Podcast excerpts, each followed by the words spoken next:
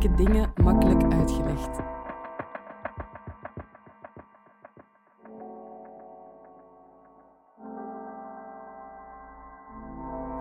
Dit is de podcast van Moeilijke dingen makkelijk uitgelegd. Wie de wereld wil verbeteren, moet wel begrijpen hoe die werkt. Daarom laten we in Moeilijke dingen makkelijk uitgelegd een expert 10 minuten aan het woord om een complex onderwerp uit te leggen. Deze keer legt Angelique van Ombergen uit wat er met het menselijk lichaam gebeurt in de ruimte. Um, ik ga het hebben over wat er met het menselijk lichaam in de ruimte gebeurt. Dat lijkt een beetje een ver van uh, iedereen's bedshow. Soms is het dat ook wel, maar er gaan steeds meer mensen de ruimte in. We gaan terug naar de maan op korte termijn, dus het is misschien wel interessant om het daar eens uh, over te hebben. Nu, als we denken aan de ruimte, um, de ruimte is eigenlijk een heel vijandige omgeving, zoals we dat zeggen. Um, mensen zijn niet gemaakt om de ruimte in te gaan. Wij zijn geëvolueerd hier op aarde. Dus eigenlijk is het ook maar logisch mochten wij hier op aarde blijven. Uh, nu, wij hebben blijkbaar een heel grote ontdekkingsdrang en we willen toch verder gaan de ruimte in en uiteindelijk terug naar de maan.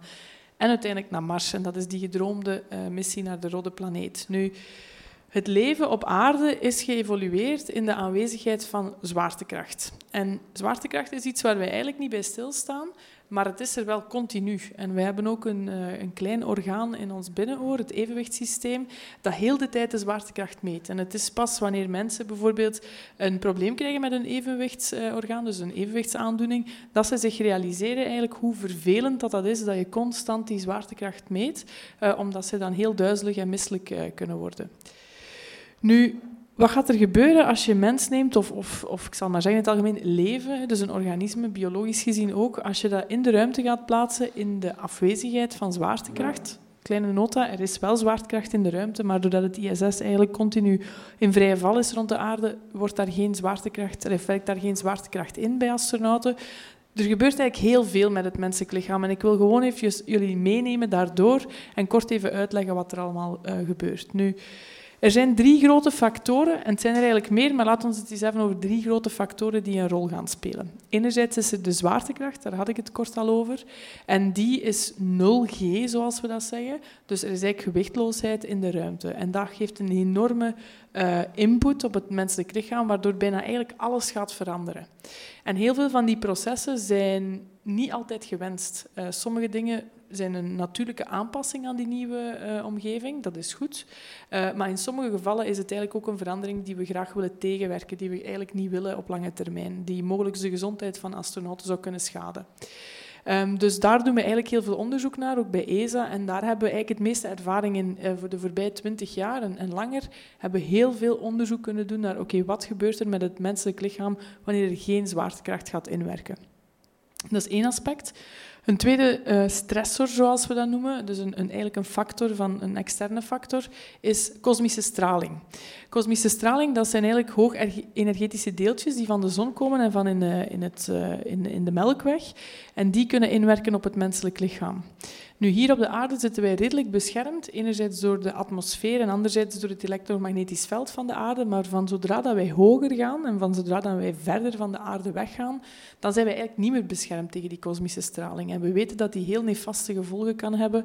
Uh, die kan bijvoorbeeld ons DNA gaan aanpassen, die kan ervoor zorgen dat we stralingsgevoelige kankers gaan ontwikkelen, die kan cardiovasculair, dus op ons hart kan die bepaalde dingen gaan doen, die kan ervoor zorgen dat er ook in de hersenen uh, eigenlijk een, een afbraak is van de zenuwcellen, dus dat kan een heel negatieve invloed hebben. En dan een derde belangrijke factor is het psychosociale aspect uh, van de ruimte.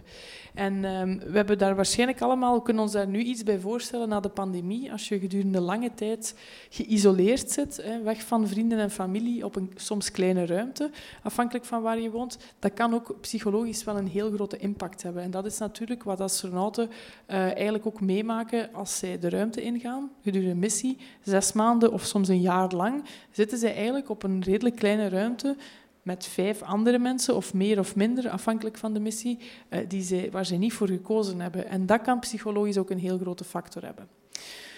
Nu, al die factoren die werken natuurlijk in op het menselijk lichaam en die gaan ervoor zorgen dat astronauten, dat er eigenlijk van alles verandert in de ruimte. Sommige veranderingen die gebeuren heel snel, de eerste dagen wanneer dat zij de ruimte ingaan.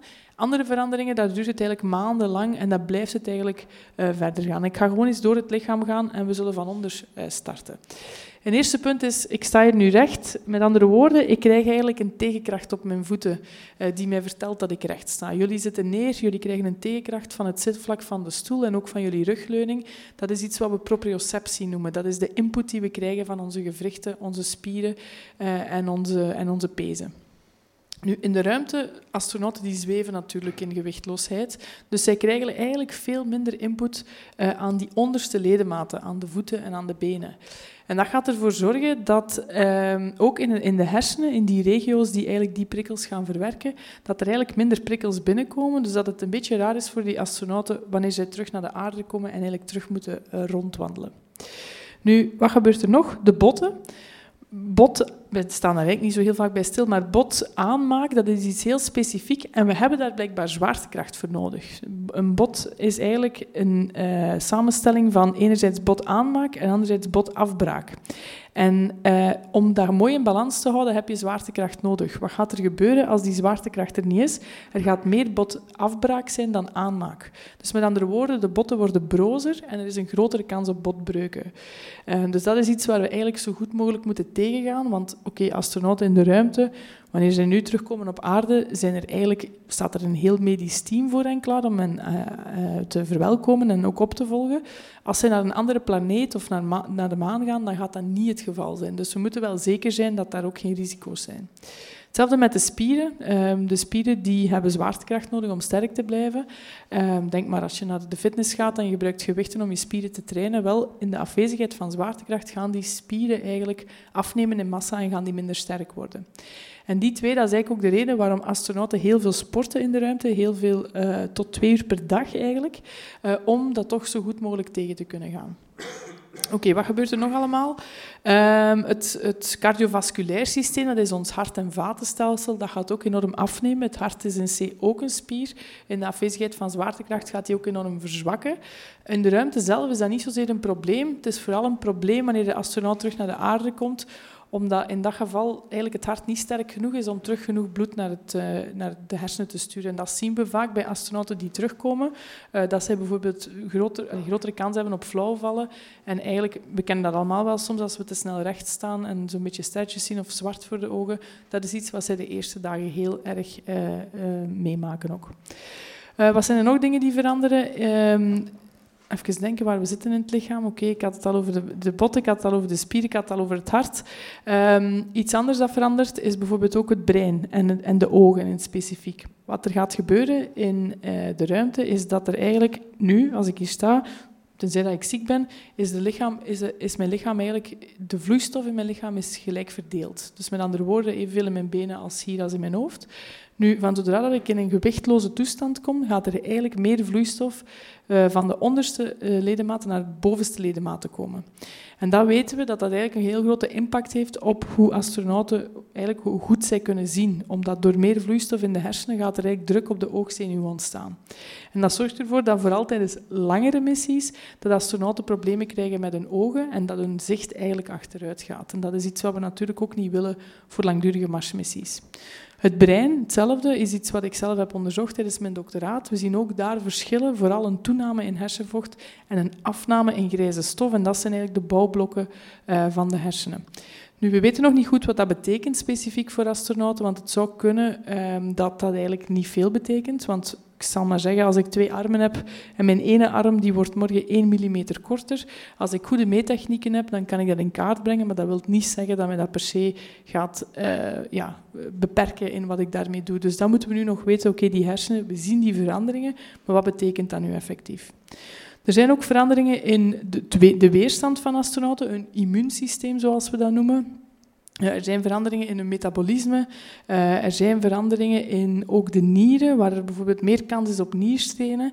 Dat lijkt iets heel banaal, maar een niersteen, ik weet niet of iemand dat ooit al gehad heeft, dat kan echt medisch gezien een, een, urgentie zijn. En als je dat moet opereren in de ruimte, is dat uiteraard niet evident. Uh, en al die factoren die zorgen ervoor dat het eigenlijk op dit moment nog heel moeilijk is om astronauten heel lang de ruimte uh, in te sturen. Ik heb nog één minuut. Ik wil nog één ding zeggen. En dat is over het psychologische aspect. Ik had het er al kort over, over de pandemie. En dat is eigenlijk het psychologische aspect. Is momenteel nog het moeilijkste stuk om die ruimtereizen bijvoorbeeld naar Mars voor te bereiden. Een ruimtereis naar Mars is ongeveer acht maanden enkele rit. Dus acht maanden na de planeet. Dan moet je daar ongeveer anderhalf jaar blijven en acht maanden terug. Dus je bent toch gemakkelijk voor twee, tweeënhalf, drie jaar vertrokken. En daar zijn eigenlijk nog heel veel factoren die we op dit moment nog niet in kaart kunnen brengen of waar we nog geen manieren hebben om die ongewenste veranderingen tegen te gaan. En vooral psychologisch is het nog heel moeilijk uh, om dat in kaart te brengen, om ervoor te zorgen dat de astronauten zich niet geïsoleerd voelen, uh, zich eigenlijk, ja, dat ze eigenlijk ja, blij blijven, zal ik maar zeggen. Dat is momenteel nog heel moeilijk. Dus de, het vraagstuk naar, oké, wat is de perfecte astronaut voor zo'n missie? Wie zetten we samen om dat te doen? Dat is iets waar we momenteel nog geen uh, antwoord op hebben. En ik denk dat mijn tijd er nu op zit. Uh, Oké, super. Dankjewel. Uh, ja. Je luisterde naar moeilijke dingen makkelijk uitgelegd. Mijn naam is Selma Fransen en samen met Curieus en Mo organiseer ik deze evenementenreeks. Deze podcast werd opgenomen tijdens het Festival van de Gelijkheid 2022. Wil je graag reageren of een evenement bijwonen? Kijk dan op de Facebookpagina van Moeilijke Dingen Makkelijk Uitgelegd.